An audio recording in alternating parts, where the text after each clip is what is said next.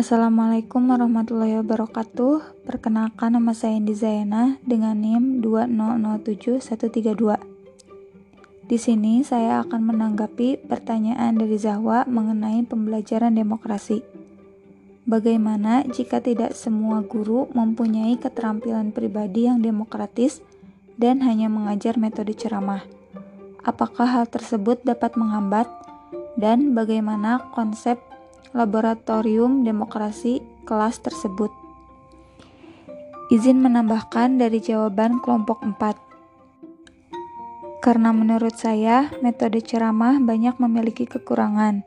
Di antaranya, sulit bagi seseorang yang kurang memiliki kemampuan menyimak dan mencatat, kemungkinan menimbulkan verbalisme, sangat kurang bagi partisipasi siswa, peran guru hanya sebagai sumber belajar, materi pelajaran hanya pada ingatan, dan mengajar dalam otoritas guru. Oleh sebab itu, guru sudah seharusnya memiliki kecakapan pribadi yang demokratis.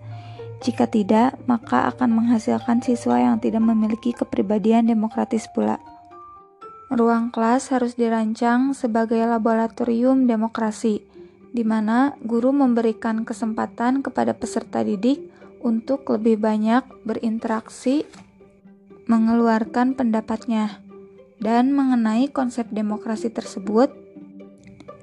Guru menjadikan ruang kelas sebagai laboratorium demokrasi untuk mendorong setiap peserta didik berpikir kritis, menelaah, menganalisis, sampai menemukan sendiri jawaban atau kesimpulan pada berbagai permasalahan yang disampaikan oleh guru atau masalah yang diidentifikasinya sendiri.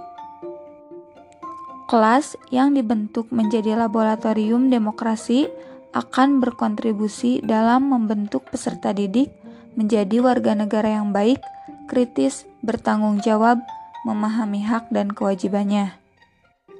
Sekian, wassalamualaikum warahmatullahi wabarakatuh.